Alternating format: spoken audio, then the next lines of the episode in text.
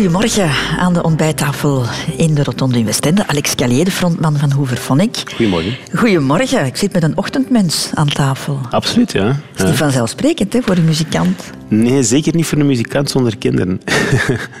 ja, ik, ik, moet zeggen, ik ben een ochtendmens. Ik ben eigenlijk wel alles. Ik ben iemand die, mij, die hem heel graag aanpast. Dus mijn, mijn, mijn vrouw staat s morgens vroeg op en dan sta ik mee op.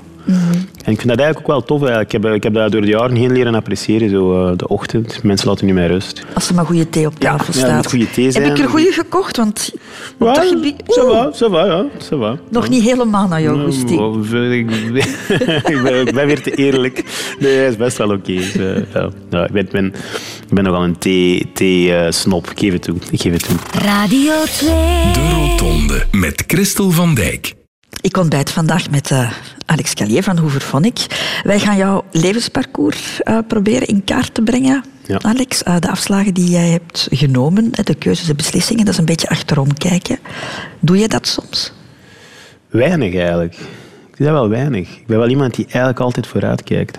Die altijd vooruit, vooruit wil gaan. En, en dat, is, dat, is, dat is langs de ene kant goed. Dat heeft me ook ver gebracht, denk ik. Langs de andere kant mm, staat het daarom soms misschien wel wat te weinig stil bij dingen. Of zijn er bepaalde dingen die je misschien evident vindt, die misschien niet evident zijn. Dus, eh, dus het is wel goed dat ik af en toe ook wel eens terug omkijk. ja, dus nostalgie is jou een beetje vreemd. Jij bent niet iemand die in fotoalbums kijkt om te... Nee, ik ben niet iemand die in fotoalbums kijkt. En ik moet eerlijk zeggen, ik kom ook, ja, ik bedoel, ben nu, ben nu 44. Ik kom dikwijls zo gasten tegen die bij mij op school gezeten hebben. Die zeiden van, oh, mijn studententijd, dat was toch de beste tijd ever. En ik heb dat eigenlijk niet. Ik vind eigenlijk elke periode in mijn leven heb ik altijd eigenlijk wel gekoesterd. En nu eigenlijk 44 zijn, zo midlife eigenlijk. Hè, zo, Allee, dat koester ik eigenlijk ook. Hoe neem jij jouw beslissingen? Ik ben geen impulsieve mens eigenlijk. Ik denk wel heel goed na eer dat ik beslissingen neem. Maar ik durf ook wel... Aan de ene kant probeer ik altijd ergens mijn verstand te gebruiken, maar toch ook wel mijn, mijn buikgevoel te volgen. Dus mijn, mijn, mensen vragen me dan wel eens zo van, ja, heb je dan, als je zo'n nummer schrijft, dan hoor je dan of dat iets een hit is. Zo. En dan zeg ik, ja, mijn, mijn buikgevoel geeft mij eigenlijk wel dikwijls de, de, de, de goede richting aan. Toch wel. Zo mijn buikgevoel zegt dikwijls van dit, dit wordt hem of dit wordt hem niet. Of zo. Gelijk met Badaboom, toen ik dat geschreven had, ik weet dat nog goed, zat ik in, in, in, op een eiland in, in Noorwegen. En er was er een, eh, een, een, een zweet van eh, EMI Publishing die er zat. En die zat er naar te luisteren. Die zei van, this will never be a hit. Zo. En ik zei van, I think you're wrong. En kijk, voilà. Je bent een bekend persoon, dus jij hebt ook een Wikipedia-pagina, uiteraard. dat, dat klopt, ja, ja, ja. En op de Italiaanse Wikipedia-pagina staat er dat ik eh, de soundtrack voor Pocahontas eh, geschreven heb en daar een Oscar mee gewonnen heb. Ah, oké. Dus dat zegt iets over, de, over wat- hoe, hoe, hoe, hoe, hoe waar dat Wikipedia is. Dus, Maar laten we eens even naar de Vlaamse versie Ja, luisteren. ja, Die klopt misschien wel. Alex Callier, Sint-Niklaas, 6 december 1972, is een Belgisch muzikant, vooral bekend van zijn band Hooverphonic. Dat is maar een stukje, maar dat klopt allemaal. Dat klopt, Hè? ja, dat klopt, ja. Maar heel jouw Wikipedia-pagina beslaat eigenlijk alleen maar het deel van jouw leven waarin jij bekend was. Hè? Maar je bent ook ooit een onbekend manneke Ja. geweest dat Ja. rondliep in Sint-Niklaas. Ehm, ook een belangrijke periode geweest. Dus wij vonden dat dat stuk van jouw leven ook wel een plaats moet krijgen op jouw Wikipedia-pagina. Dus Han Koeken heeft dat opzoekingswerk gedaan. Alex Callier is geboren te Sint-Niklaas op 6 december 1972. En vanaf de geboorte was Alex eigenlijk een averechtse, getuigt mama Therese. Dus hij is verkeerd gekomen, ik dat te zeggen. Hè. In plaats van met zijn kopje eerst, met zijn voetjes eerst. Hè.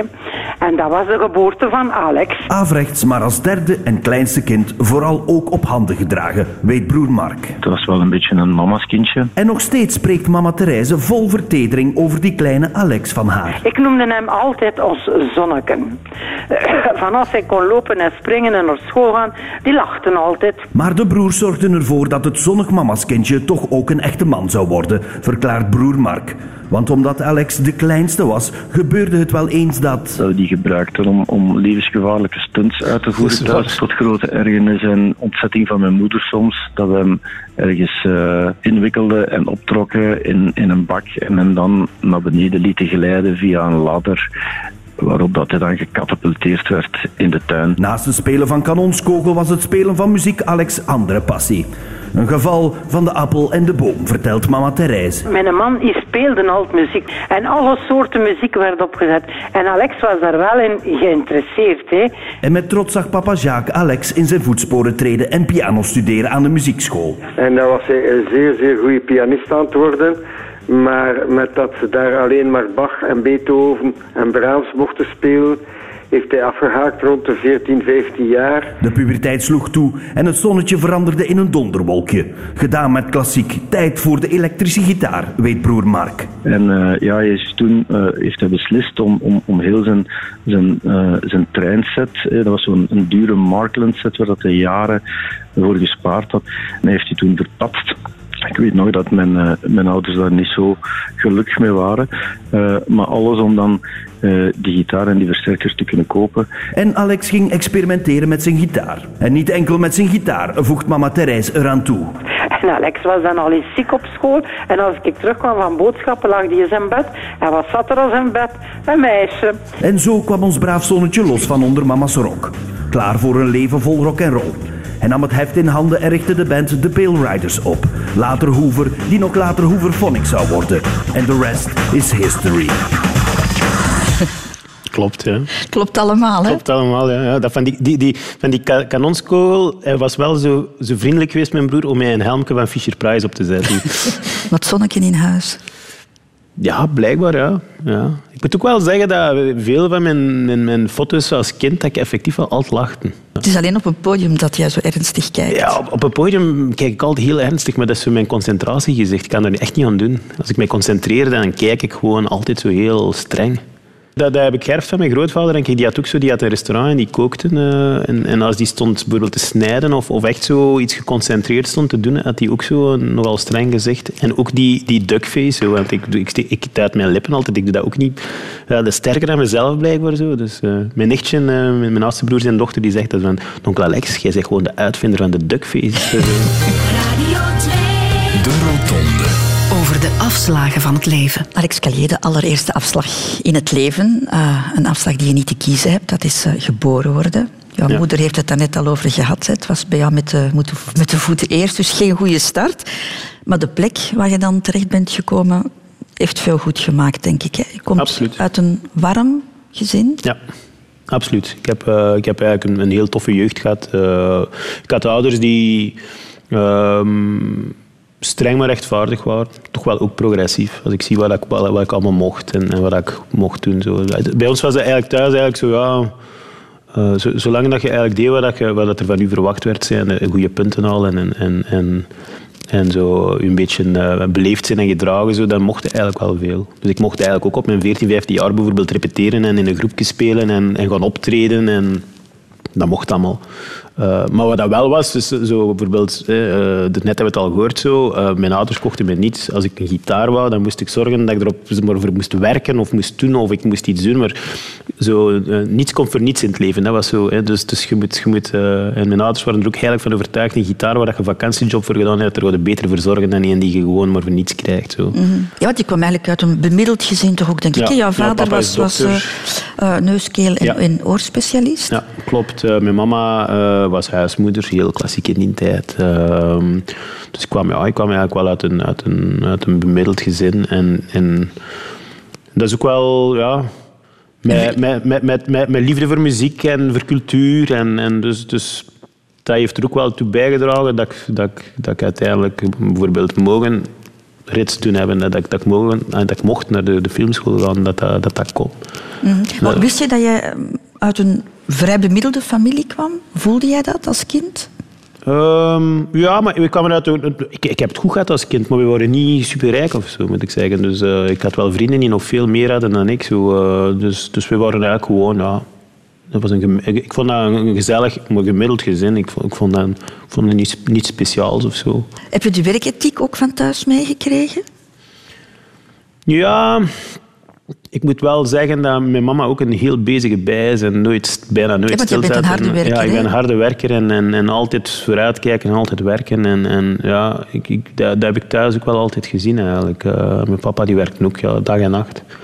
Uh, dikwijls s'avonds als we thuis waren, was hij nog aan het werken. Uh, dus ik heb dat wel gezien. Maar het voordeel natuurlijk dat we hadden, was dat mijn papa zijn praktijk thuis had. Dus, dus zelfs al was hij aan het werken tussen twee patiënten door, zat hij wel bij ons. En dus, dus we kwamen thuis en ja, dat was ook zo. Dat was, dat, op zich was dat wel een mooie tijd. wij waren extern op school.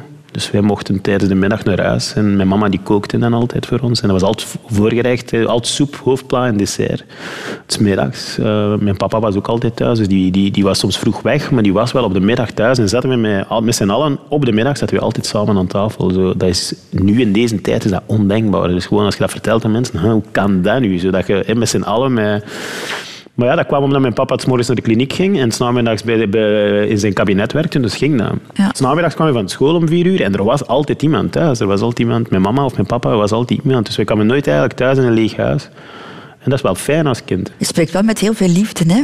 Over... Ja, ik, ik, ik vind echt zo. Ik vind dat ik op dat gebied wel bevoorrecht geweest ben. Zo. Ik, uh, als, ik, als ik tegenwoordig kijk naar zoveel gezinnen waar, dat, waar dat er toch trouble is en, en gebroken gezinnen, nieuwe gezinnen, nieuwe samengestelde gezinnen. Um, ja, ik kom uit een heel klassiek gezin. Mijn ouders zagen elkaar ook heel graag. Ik bedoel... Het is wel ongelooflijk. Je bent een wereldster, hè, laat ik maar zeggen. Je, je, zit in de Verenigde Staten, je zit in Rusland, je, je doorkruist heel de wereld. En toch is jouw thuisbasis nog altijd Sint-Niklaas en woon jij op 500 meter van je ouders? Ja, klopt. Ik heb nooit verder dan 500 meter van mijn ouders gewoond. Ja, dat is ehm, de heimat zeker. Hè? Like dat ze dat zo schoon in uit zeggen. Um, Jouw broer woont ook in de buurt? Ja, mijn broer woont in de buurt en mijn, mijn, mijn, mijn middenste broer die, die woont in Gent. Die, die woont al lang in Gent, die is, die is achter zijn studies er blijven hangen. Maar... Um, ja, ik, ik, ik, moet, ik moet zeggen, ik heb ooit um, op een bepaald moment heb ik getwijfeld om in New York te gaan wonen. Zo. Nee, ik denk dat het 99 of zo was, of zo, of 98 of zo. En, um, en toen had ik een manager, een Amerikaanse manager, die zoiets had van, ja, je moet in New York komen wonen. En ik heb toen een gesprek gehad met, met iemand van um, Sony Amerika, de grote baas, Dave Messi was dat toen op dat moment, Epic uh, America. En die had mij uitgenodigd om te lunchen in het uh, Sony uh, restaurant. Dus, ja, toen, in die tijd was dat een gigantisch gebouw. Maar nu is dat nog altijd een kei mooi gebouw in New York een ander, maar het is iets kleiner toch, moet ik zeggen. Toen was het echt wel mm. ja, echt zo'n wolkenkrabber die alleen van Sony was.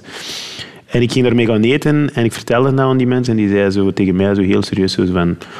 Alex, never underestimate the power of your roots. You should stick to your roots because that's who you are and that's why you make the music you're making. En, en, dus je, moet, je moet gewoon op je eigen plek blijven. Ja, en wel, en wel, veel reizen en veel zien van de wereld, maar op zich moet je ook eigenlijk niet verloochenen waar je vandaan komt.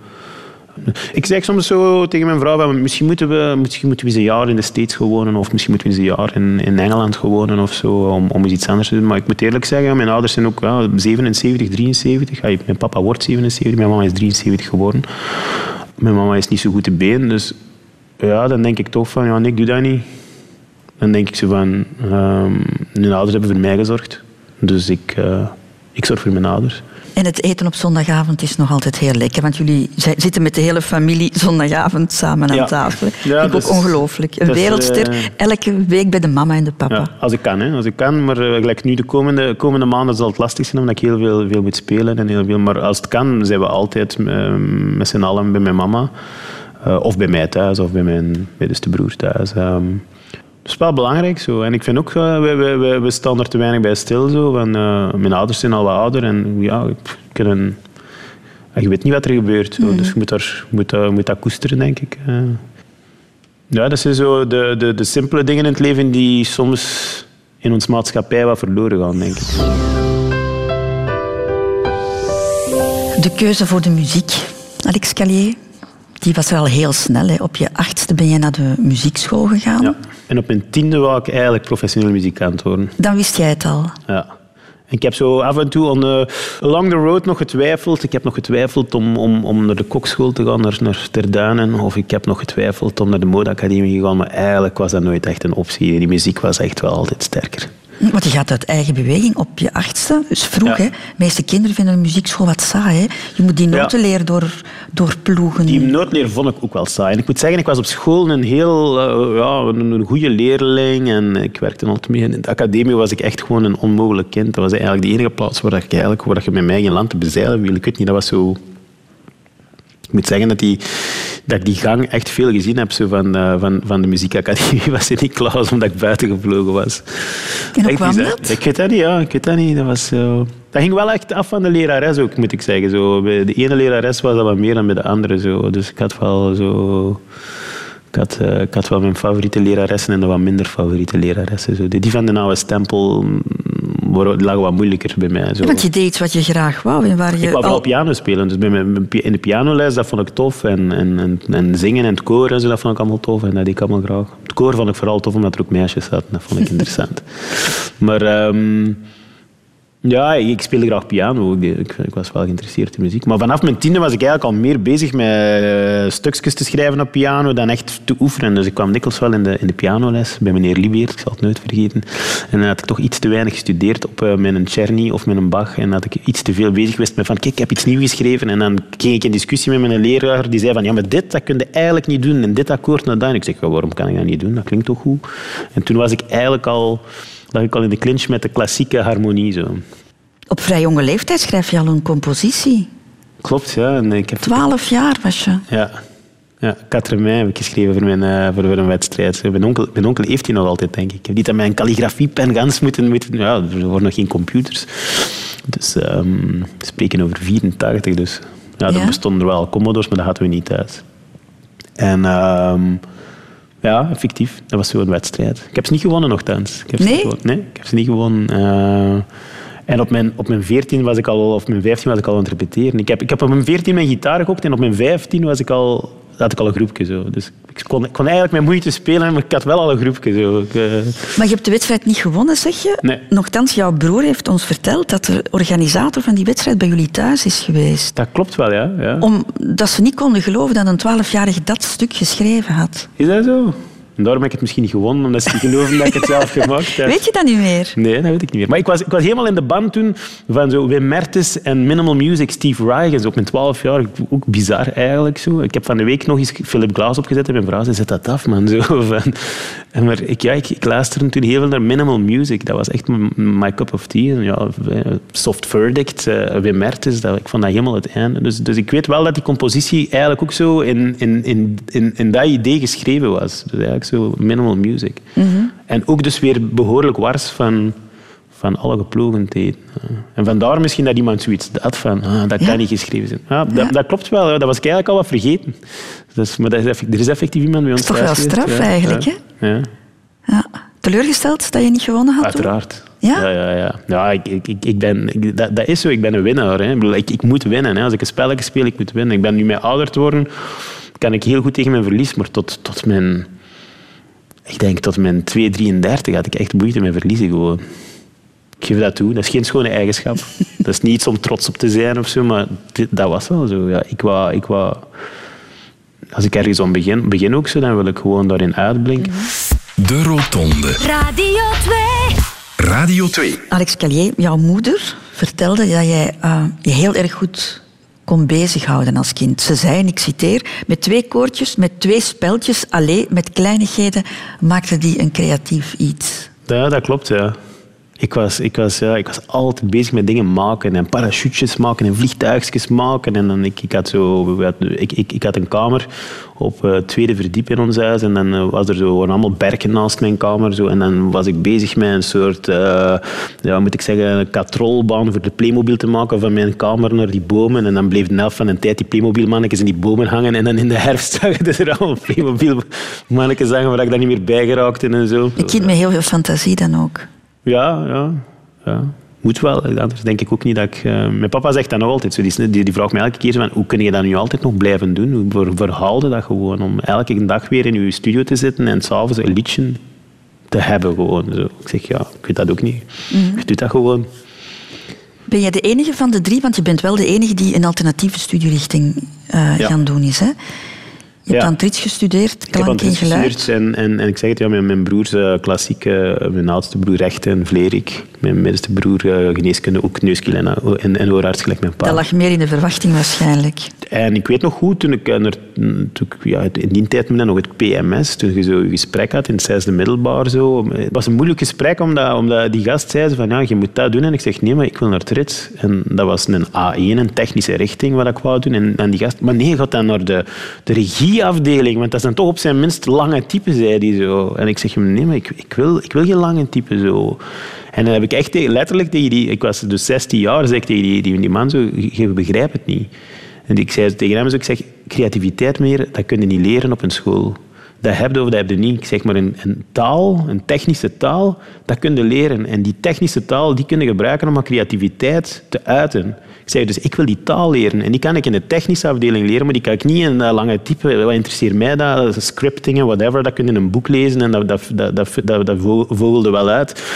Zeg maar, maar zo, ik ben op mijn vijfde jaar de eerste keer een demo gaan oppakken. En het eerste wat ik merkte was van de communicatie tussen die technicus en mezelf als muzikant. Dat was heel moeilijk. Ik, ik, ik probeerde niets uit te leggen, maar en ik dacht direct op mijn vijfde van, ik moet, dat moet ik kunnen gewoon. Mhm. En dat is dus ook bizar. Ik ben, dus niet naar de, ik ben niet naar het conservatorium gegaan. Ik ben naar, naar de filmschool gegaan en dan nog specifiek klanktechniek willen gaan studeren. En dat was eigenlijk zo...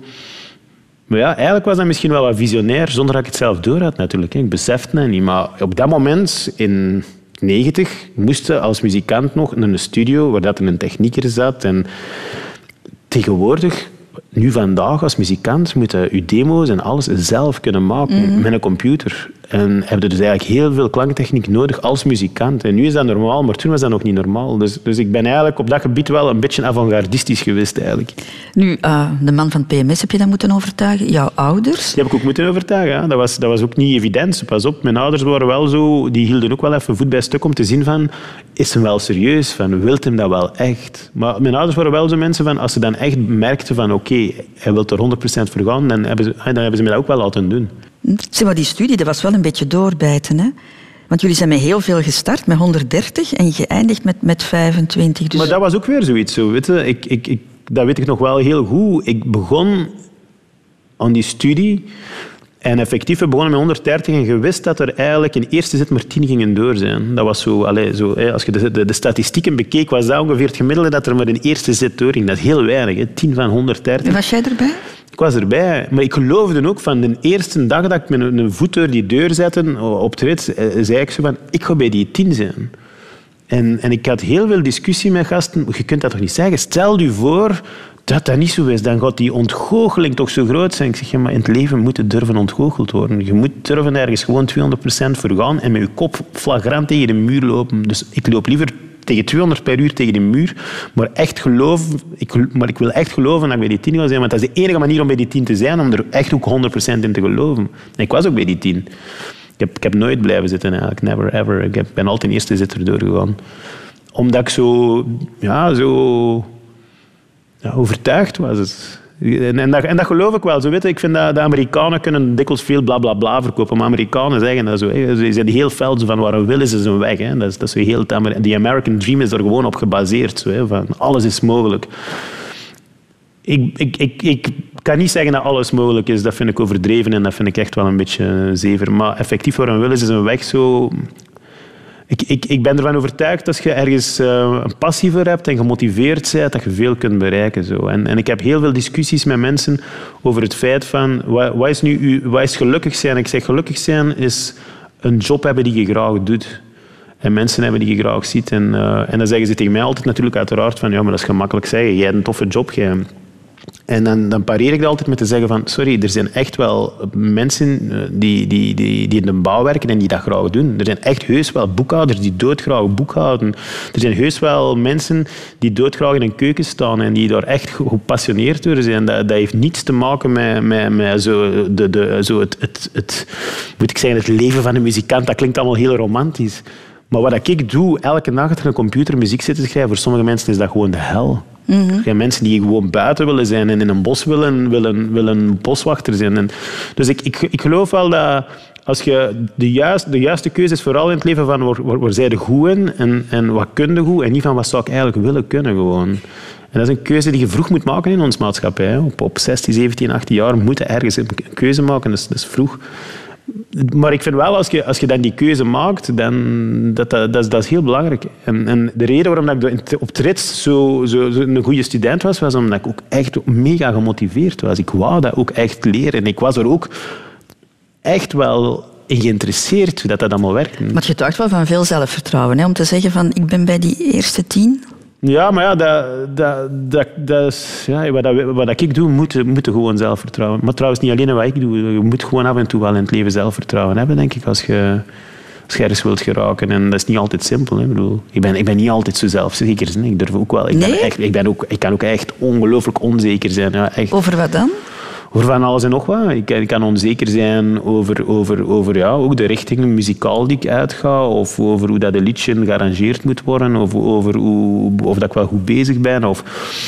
Ik kan echt wel heus wel onzeker zijn. Ja. De Rotonde. Over de afslagen van het leven. Op je veertiende, Alex Calais, had jij je eerste groepje al, hè? Ja, klopt. Hoe heet dat het ook alweer? Ja, dat waren de Alley Cats. Dat is het enige dat, dat er net niet klopte in de montage. De Alley Cats waren. eh, en dat was eh, naar een nummer van, van de Velvet Underground, denk ik. Of zo. Eh, ergens of iets van Lou Reed. Nee, Lou- een nummer van Lou Reed, denk ik dat. En daar kwam hij in voor, die Alley Cats. En dus dat was mijn zangeres. Een zangeres toen al. Een zangeres. Toen en al, ik, ja. speel, ik speelde gitaar en wat en een bassist en een drummer. Het was ook iets dat jij heel erg serieus nam, hè, dat Absoluut. Hè? Dat moest gerepeteerd worden. Hè? Ja, ja. Ja, ik, was, ik was effectief zo die ambetanten. De, de, de meesten zaten... pas op, op 14 valt dat nog wel mee, maar zo, wat later dan, als ik dan effectief eh, zo 16 jaar zit en gerepeteerd, dan hadden eigenlijk vooral... De meeste gasten hadden vooral pinten gaan drinken en vrouwen versieren. Maar bij mij ging het echt wel om de muziek. Dus ik nee, we moeten repeteren en we moeten beter worden. En, dus ik was niet altijd de meest sympathieke, denk ik. Zo, eh, de die pinten wilt gaan drinken is meestal sympathieker dan de die die hard wilt eh, repeteren. Zo. Maar ja, Maar dat, jij, dat bleek toen al wel dat ik dat echt heel serieus nam. Gewoon. en jij nam ook meteen de leiding eigenlijk. Ja. Maar dat, dat, ja, dat, ik zeg het, dat, dat, zit, dat zit bij ons zit wel in de familie. Ik bedoel, wij hebben allemaal bij de scouts gezeten en we zijn allemaal patrouilleleider geweest.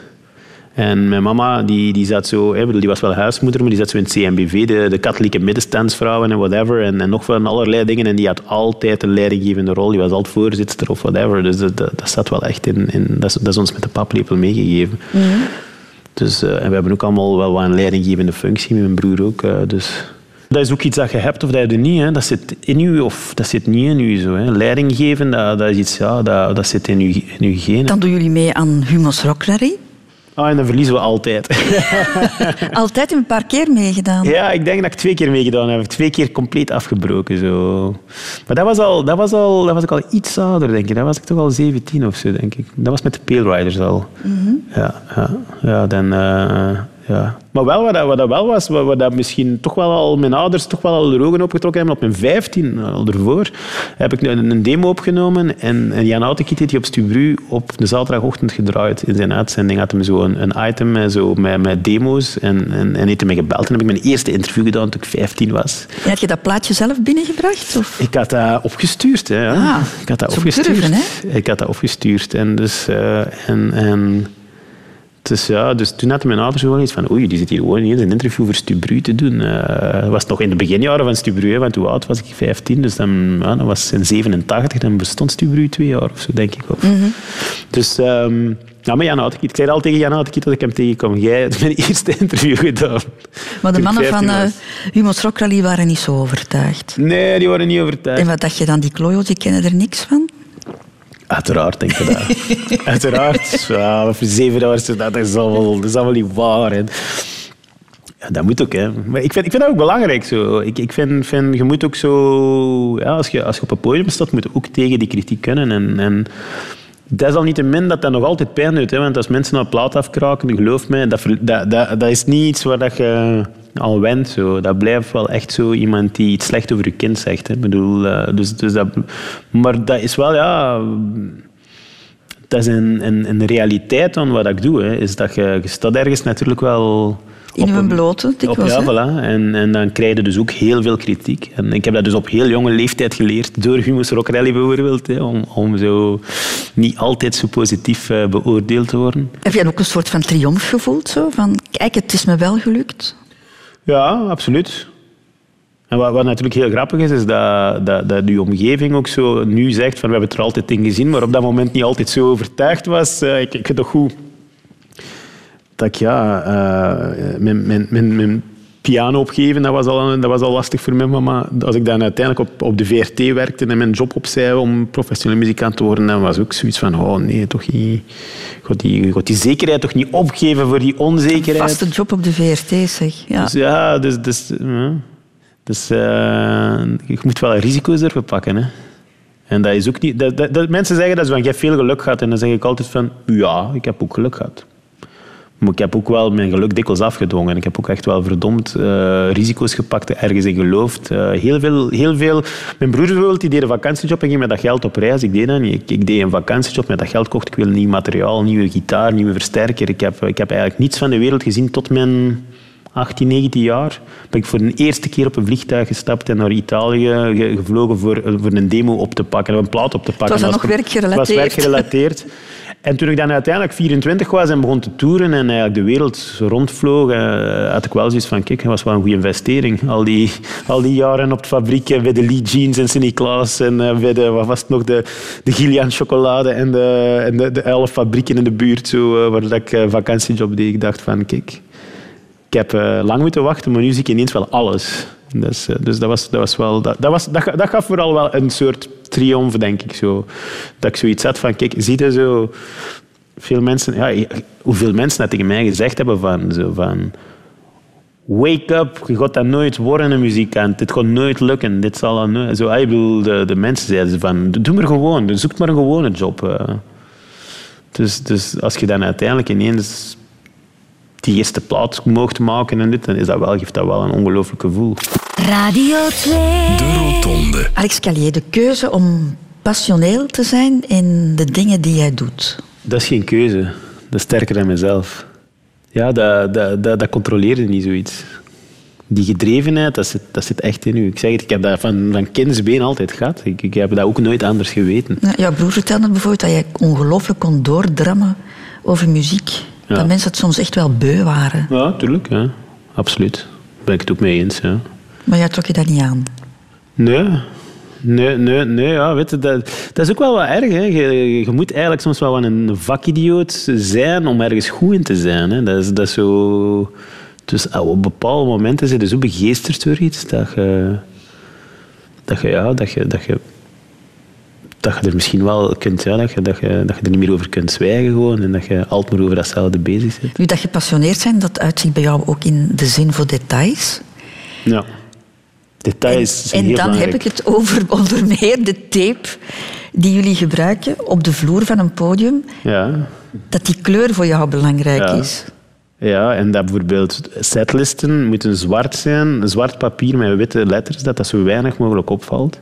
Dat er niet zo vijf witte vlakken op dat, op dat zwarte podium zijn. En de kleur van die tape is effectief belangrijk. Dat moet zwarte tape op een zwarte vloer zijn of witte tape op een witte vloer, dat het zo weinig mogelijk opvalt. En dat moet allemaal proper liggen. En je kan zo staan kijken. En pas op, ik ben... Ik, ik, je kunt dat niet 100% hè. Dus af en toe moet ik ook dingen laten passeren. Hè. Ik kan niet, ja, je kunt niet verwachten dat alles altijd 100% is. Dat heb ik ook snel geleerd. Zo, weet. Als je dat wilt, dan word je doodongelukkig. Dat, dat gaat niet in het leven. Maar je kunt toch wel proberen om alles 80 à 90% te krijgen. Dat kan wel, vind ik. Dat heb ik al jong, van jongs af aan geleerd. Van. En dat probeer ik dus ook.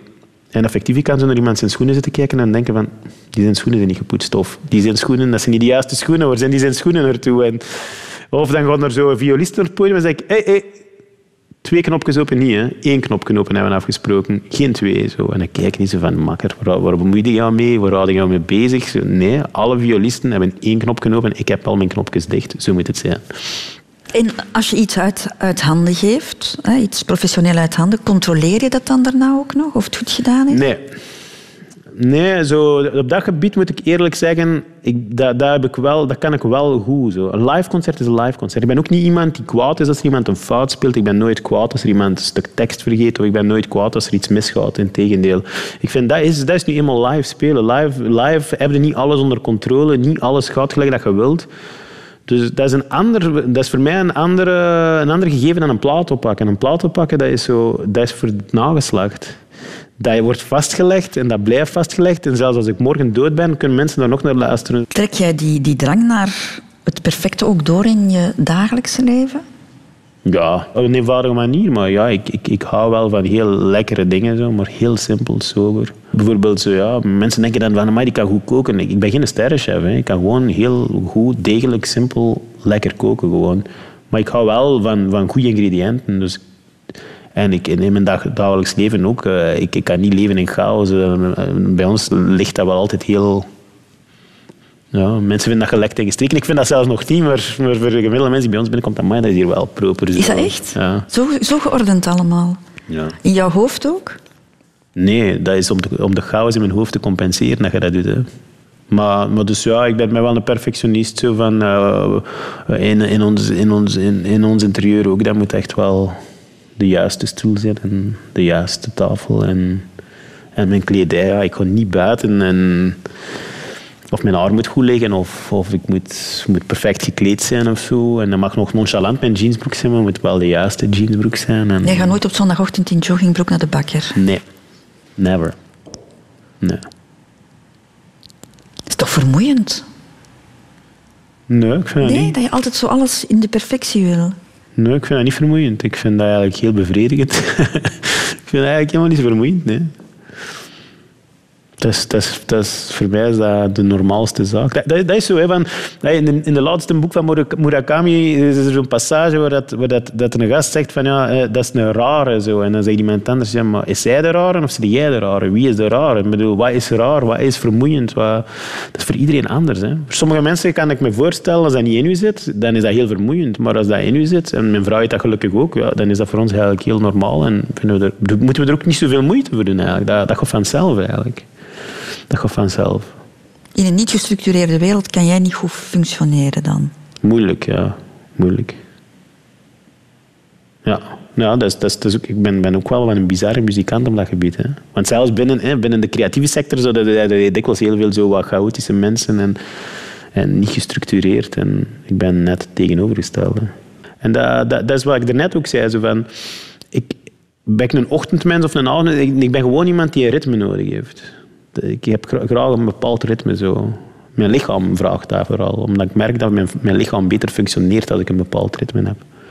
Dus ik ben zo iemand, ja, zo lunchen om drie uur 's middags, dat is voor mij echt rampzalig. Dan merk ik gewoon binnen de kortste keren dat mijn spijsvertering om zeep gaat. En dus, dus in mijn job is dat niet altijd makkelijk zo.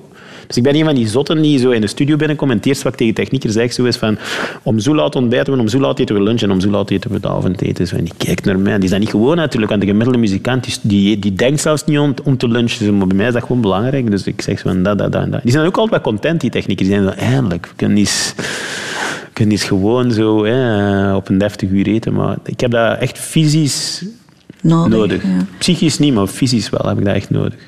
Dus jij houdt ook van een bepaalde routine in jouw leven. Ja, wat niet altijd makkelijk is, want ik heb een heel hectisch leven en ben, ben constant allez, bedoel, weg. En, en, en, en, en, en ik heb soms heel hectische periodes en soms heel rustige periodes. Ik zit soms heel veel thuis en dan weer niet. Dus, eh, maar maar in, in, in die chaos probeer ik toch altijd wel ergens een zekere structuur te brengen. Omdat dat nodig is. Er zit allee, heel veel contradictie, vind ik. Tuurlijk, ja, maar, maar, heel veel. maar, maar ik, ben, ik ben een en al contradictie. Ik kan kei lief zijn en ik kan kei, kei, kei, me kei, kei kwaad maken en heel zo bijna ja, beangstigend zijn. Ik kan, ik kan soms heel eh, geordend zijn en soms heel chaotisch. Ik kan zo, dus ja, er zitten heel veel contrasten in. Het zijn die contrasten eigenlijk die zorgen dat je creatief bent, blijkbaar. Hè. Er zijn zo studies over geweest. Hè. Het, is, het is zo die, die, die spanningen die zorgen voor creativiteit, blijkbaar. Hè. Is het makkelijk om met jezelf te leven? Niet altijd. Ik vind mijn eigen ook niet altijd zo'n toffe. Ik vind mijn eigen af en toe wel. Ik kan ook geen hele toffe zijn, maar ik ben niet altijd zo'n toffe. Ik bedoel, Maar ja, wie is dat wel? De Rotonde. De liefde. Alex Callier, dat is een belangrijke afslag in het leven. Ja. Jij bent, want je hebt al heel uitgebreid over jouw ouders verteld, opgegroeid denk ik met een heel mooi beeld van de liefde. Hè? Absoluut. Ja, ik heb mijn ouders altijd eh, gezien als een, als een hecht koppel. Die elkaar graag zagen, die voor elkaar opkwamen. Ook eh, behoorlijk consequent waren, altijd zo aan hetzelfde zeel trokken. Zo. Mijn papa die pakte mijn mama ook vast. En die gaf die ook een kus als ze hem doorging. En dat was echt zo, dat was wel... Ik moet eerlijk zeggen, mijn oudste broer en mijn middenste broer zijn alle twee getrouwd. En die zijn nog altijd, met, altijd getrouwd. En die, en die, ik ben de enige eigenlijk in het gezin die, ja, oké. Ik ben, ben nu getrouwd op mijn 44. 43 was ik. Dus dat is wel laat. En daarvoor heb ik eigenlijk ook wel relaties gehad die het niet volgehouden hebben. Dus ik ben eigenlijk wel een uitzondering in de familie. Maar je hebt altijd wel lange relaties gehad, hè? Dat wel, ja. Mijn eerste serieus lief was ik 17 en, en daar ben ik echt zes jaar mee geweest. Twee jaar en een half, tien jaar en nu vijf jaar met mijn vrouw. Je hebt lange relaties gehad, maar je hebt nooit de stap gezet om te trouwen. Nee, Behalve nu. ja.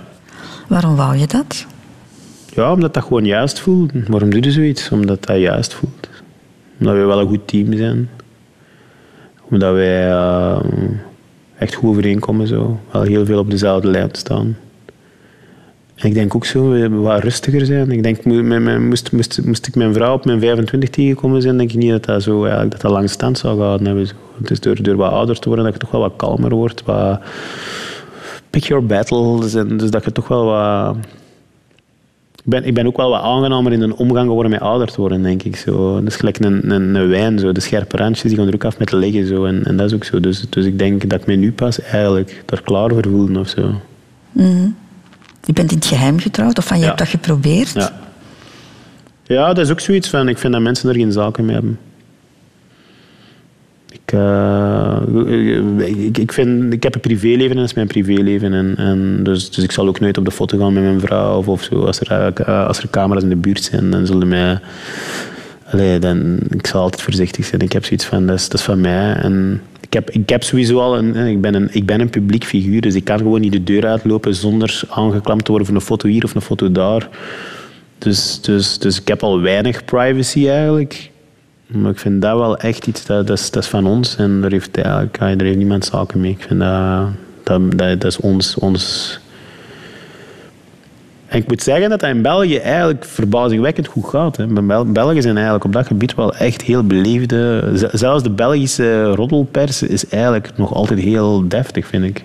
Je kunt wel afspraken maken. Ik heb altijd, ben er heel consequent wel tegen geweest. Van in het begin heb ik altijd gezegd, ik heb, ik heb altijd interviews gedaan, eh, zelfs met, met, met, met, met, met de roddelbladen.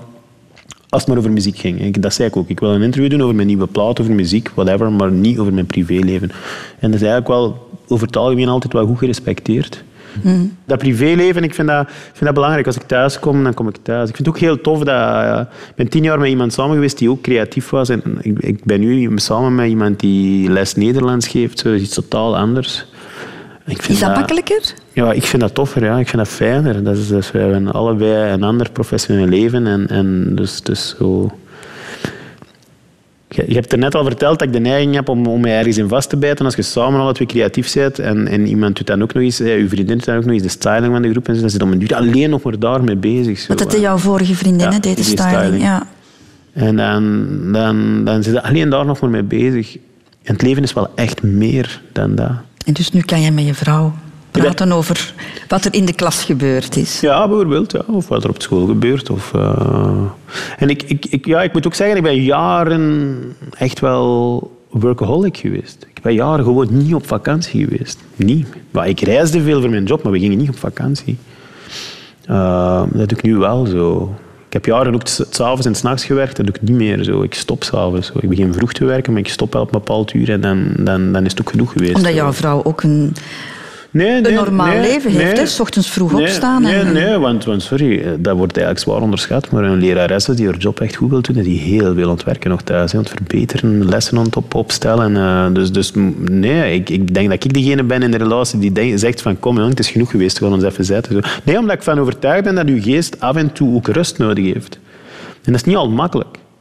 Ik heb, ik heb dikwijls die discussie zo van, oh, zo heel veel, mensen zo, die, die, die doen zo wat hautain.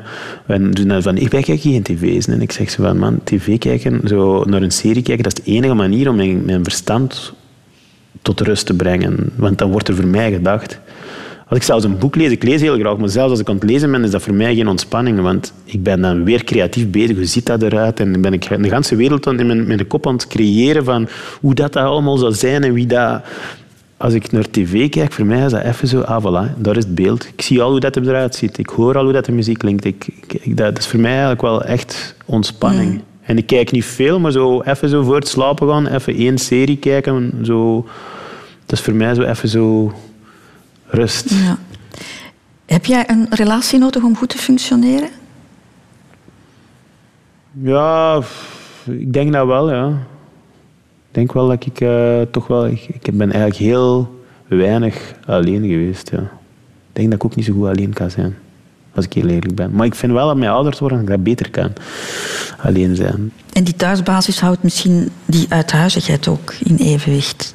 Ja, ik, ik, ik kom graag thuis en ik ben ook graag thuis dat is natuurlijk ook wel tof van mijn job. Je kan echt periodes cocoonen zo, en dan er periodes dat dat niet, dat dat niet gaat. Dus ja, dus dat is zo, die, die, die twee die wisselen elkaar af. En dat, is ook het fijne aan mijn job. Hè. Ik, ik zeg altijd van, ik mix graag en ik produce graag en ik, ik doe van alles graag.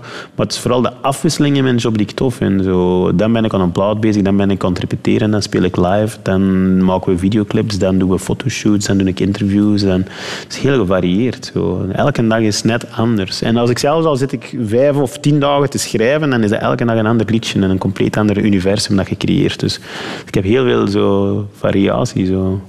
Alleen niet in de vrouwen, daar ben je nogal trouw in. Ja, ja, ja, ja daar ben ik effectief. Ja. Ja, op dat gebied kan ik eigenlijk geen wilde tourverhalen vertellen, moet ik eerlijk zeggen. Dat valt eigenlijk nog wel tegen. Dat moeten bij anderen zijn. De Rotonde. Radio 2. Radio 2. Kinderen, Alex Callier, dat is misschien nog een belangrijkere afslag dan de liefde. Hè? Want in de liefde kan je je al eens vergissen. Kinderen die heb je voor het leven. Dat is waar. Jij hebt er geen? Geen kinderen en bewust geen kinderen, ja. Ja, ik heb er echt... Dat is een keuze die ik, die ik gemaakt heb. Al lang geleden eigenlijk. Ik heb dat van jongensbeen gezegd dat ik geen kinderen wou. En ik heb dat eigenlijk nog altijd ik, ik zeg altijd, je kunt niet alles in het leven. Je kunt niet en een carrière en kinderen. We willen alles in deze maatschappij. We willen alles hebben. Gewoon. We willen geld hebben, we willen een schone auto hebben, we willen de perfecte vrouw hebben. En we willen de perfecte kinderen hebben. En liefst ook nog een gigantisch goede carrière en een fantastische job en, en alles erop en eraan. En ik heb zoiets van, nou, je kunt niet alles. En ik ken mijn eigen. Ik ben, ben iemand, ik wil, ik wil de, de dingen goed doen. Ik doe niet echt veel, maar als ik de dingen doe, dan doe ik ze goed. En ik ik heb gewoon te veel gasten op tour gezien die zich schuldig voelden als ze niet thuis waren omdat, om, bij hun kinderen en die thuis kwamen van op tour en zoiets hadden van amai, mijn kind is wel al serieus veranderd op die drie maanden tijd. En ik, ik, ik, ja, ik zou, mij echt, ik, zou, ik zou dat echt moeilijk hebben. ik zou, ik zou moeilijk hebben om, om, om zo, ik zou echt een beste vader willen zijn en dan langs de andere kant dat niet kunnen zijn omdat, ik, omdat mijn job dat niet toelaat om er altijd te zijn. En zeggen mensen, ja, maar dat is toch zo? En ik heb zoiets van, ja, dat kan allemaal wel zijn. Ik zie soms ook wel de wanhoop in bepaalde mensen in de ogen met kinderen en zo. Kinderen, dat is langs de ene kant super schoon. Ja, dat kan ook schoon zijn, maar dat kan ook zo fout gaan. En misschien ben ik ook gewoon wel te laf of zo. Misschien durf ik dat ook gewoon niet. Misschien durf ik mhm. gewoon die afslag in het leven niet pakken. Misschien is dat dat wel. Ik heb gewoon de chance dat mijn vrouw er net zelf over denkt. Langs de andere kant, ja, we moeten ook zien, gewoon, mijn kinderen, is mijn muziek.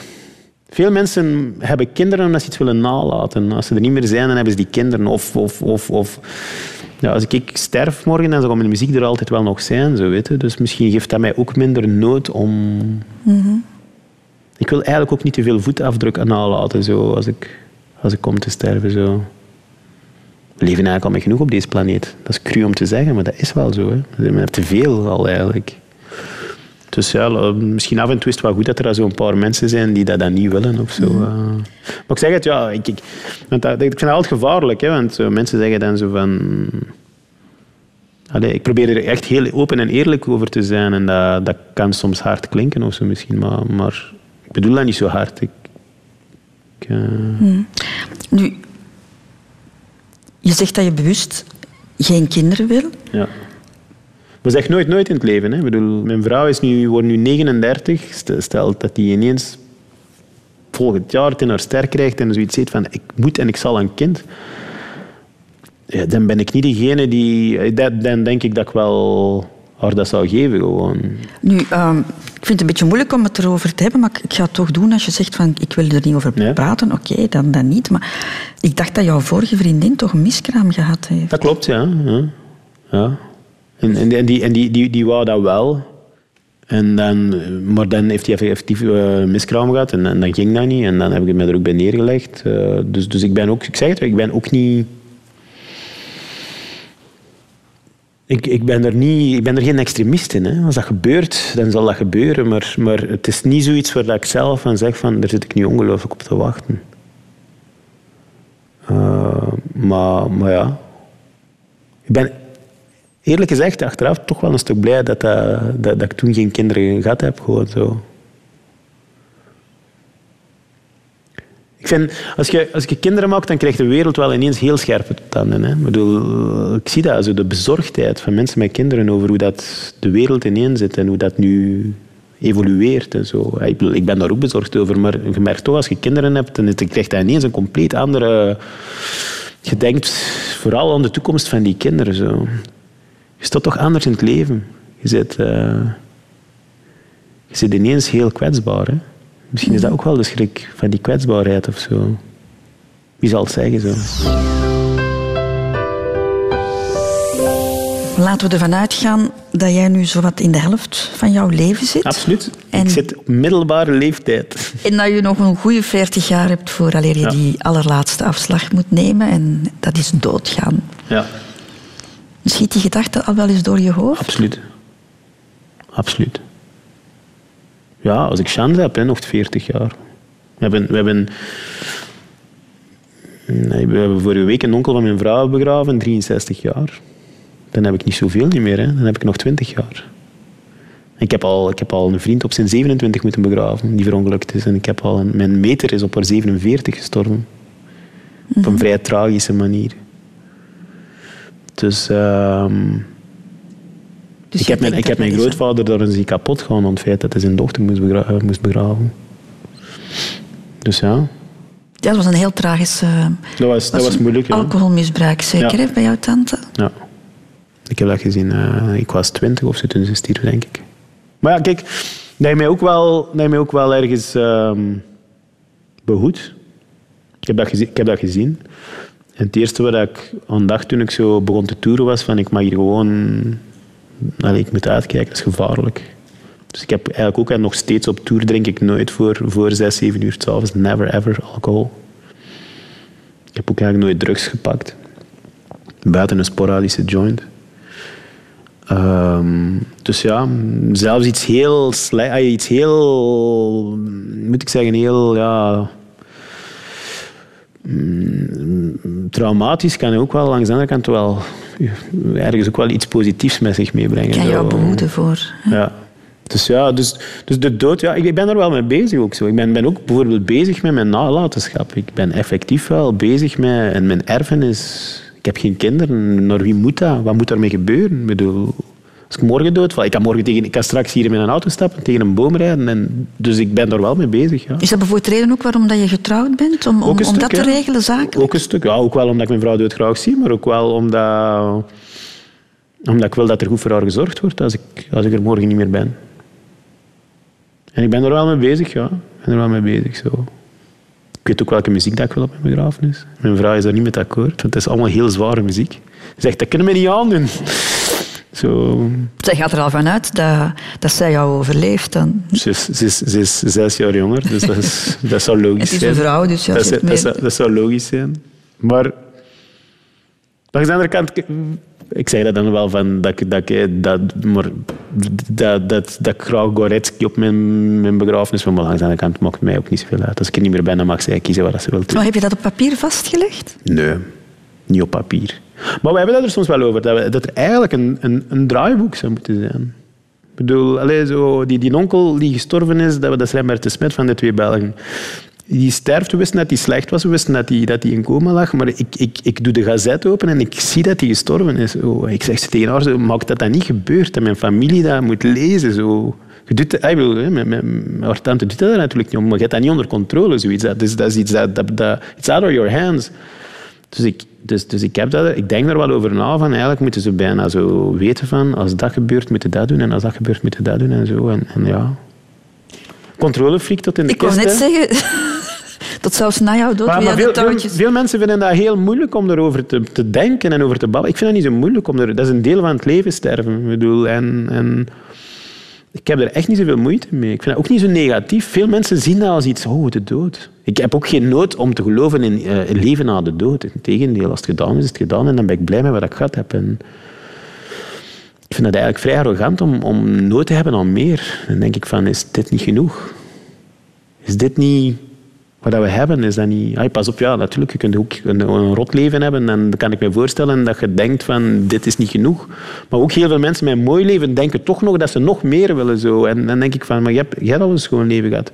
Moet je dan nog geloven in een leven na de dood? Dat is toch echt iets waar mensen zich wijs maken om een soort houvast, om... om Allee, bedoel, een van de, de films die mij bijgebleven is uit mijn jeugd, eh, The Unbearable Lightness of Being, zo, van Kundera. Zo. The Unbearable Lightness of Being, dat is waar we met z'n allen zoveel mi- miserie mee hebben, dat je zoveel moeite mee hebben. Dat, de ondraaglijke lichtheid van het bestaan. Maar het is wel zo. Dit stelt eigenlijk allemaal niets voor.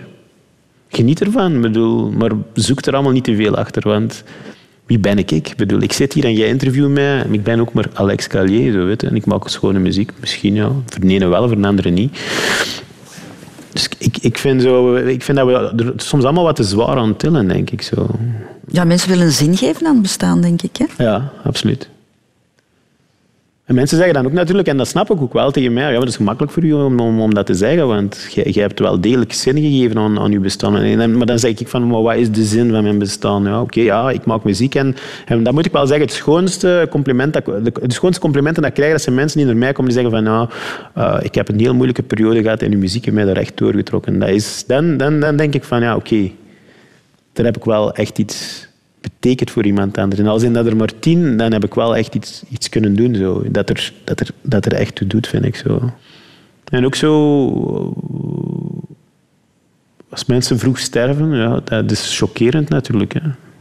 Maar als die een goed leven gaat hebben, dan is dat eigenlijk ook niet zo erg. Ik heb een, ik heb een grootmoeder zien zo de laatste vijf jaar van haar leven, die is 90 geworden, maar die laatste vijf jaar zien dementeren. Dat, dat was gewoon, dat, dat, vind ik pas, dat vond ik pas moeilijk. Dat vond ik echt chockerend. Maar langs de andere kant denk je dan ook op het moment dat ze, de, de moeilijkste periode is als ze, als ze net zo begint door te krijgen dat ze aan het afzakken is. Zo, dat je ziet dat iemand agressief wordt omdat hem doorheet van ik ben het hier aan het verliezen. Zo, dat was moeilijk, want eigenlijk eens dat ze dan echt weg was, dan zat hij eigenlijk ook de hele tijd met een glimlach op haar gezicht. Dus wie, wie, wie zal het zeggen? Zo, wie weet jij het? Weet ik het? Wat weten wij eigenlijk? We weten eigenlijk niet zoveel. Hè? Bedoel, dat is zo... Maar dan denk ik van, ja, 90 worden en de laatste vijf jaar van mijn leven zo dementeren. Dan vind ik bijvoorbeeld, ja, wat dat Hugo Claus gedaan heeft, ik vind dat onwaarschijnlijk. Ik vind dat, dat, dat, dat vergt zoveel moed om te zeggen van, weet je wat, ik ben aan het afzakken, die dag, die, dat uur, geef mij maar een piekuur en ik, ik, ik kies gewoon om, om eruit te stappen. Dat is, dat, er zijn maar weinig mensen die dat, die dat zouden kunnen. Ik, ik denk ook niet dat ik het zou kunnen. Radio 2. De Rotonde. Over de afslagen van het leven. Alex Callier, bedankt om eh, met mij te ontbijten vanochtend. Ehm, en je mag dan wel graag alles onder controle hebben, hè, controlefreak zijn, maar dat ben je niet als je aan het praten bent. Nee, nee, absoluut niet. Ik heb echt wel mijn hart op, op de tong. Ja, toch wel. Ik, Dat hebben eh, wij nodig op zondagochtend, dus dank je wel. Graag gedaan. Eh, nog één ding, mijn gastenboek. Ja, Kan je er nog iets in schrijven? Ja, dat zal ik doen. Al maakt het geen deel uit van mijn dagelijks vocabulaire, stilstaan kan echt wel een mooi woord zijn. Dat is voor mij vandaag wat dat deze dag typeert. Zo, ik ben altijd iemand die 100% vooruit gaat en altijd snel, snel. En als ik hier dan zit met jou en zo even terugkijk op het leven, dan is dat even stilstaan. En dan realiseer ik me eigenlijk wel dat dat ook wel soms heel belangrijk is. En dat je niet alleen maar moet 100% vooruit gaan. Dus, eh, dus ja, vriendelijk bedankt voor, voor het warme ontvangst. En ook de thee. Alex Callier.